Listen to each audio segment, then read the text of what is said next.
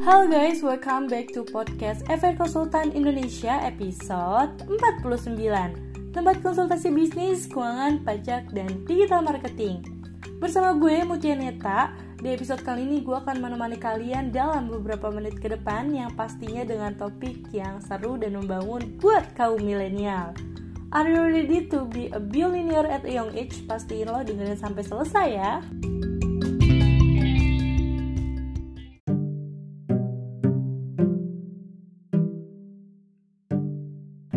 Dengan perkembangan era digital saat ini, pasti dapat membantu lo untuk menjalankan sebuah bisnis seperti pemasaran, penjualan, dan yang lainnya.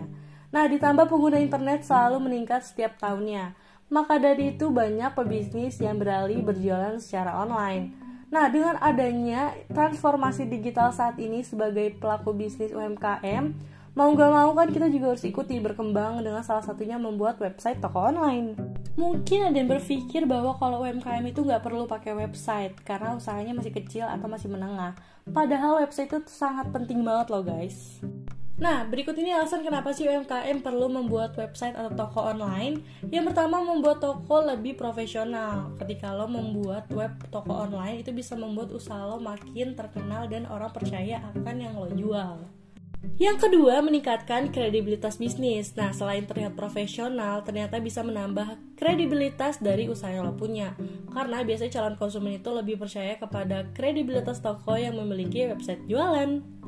Yang ketiga, terhubung dengan pelanggan secara langsung. Karena kalau usaha kecil atau menengah lo bikin website toko online, pastinya itu memudahkan banget untuk pelanggan berkomunikasi dengan toko lo. Yang kelima, menghemat biaya iklan. Kalau biasanya ada UMKM yang memasarkan produknya menggunakan cara menyebarkan brosur, kayaknya saat ini udah nggak populer gak sih? Karena sekarang apa-apa serba digital. Nah, sekarang bisa hemat biaya iklan dengan menggunakan website. Dan yang terakhir pastinya memudahkan pelanggan untuk mencari produk karena website toko online kebanyakan memiliki katalog produk yang nantinya lo dapat menyampaikan informasi produk secara detail dan juga foto produknya.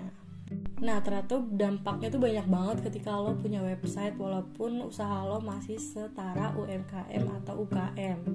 Nah gimana nih menurut kalian pembahasan kali ini menarik gak sih? By the way thanks banget loh buat teman-teman yang udah dengerin sampai terakhir di episode kali ini.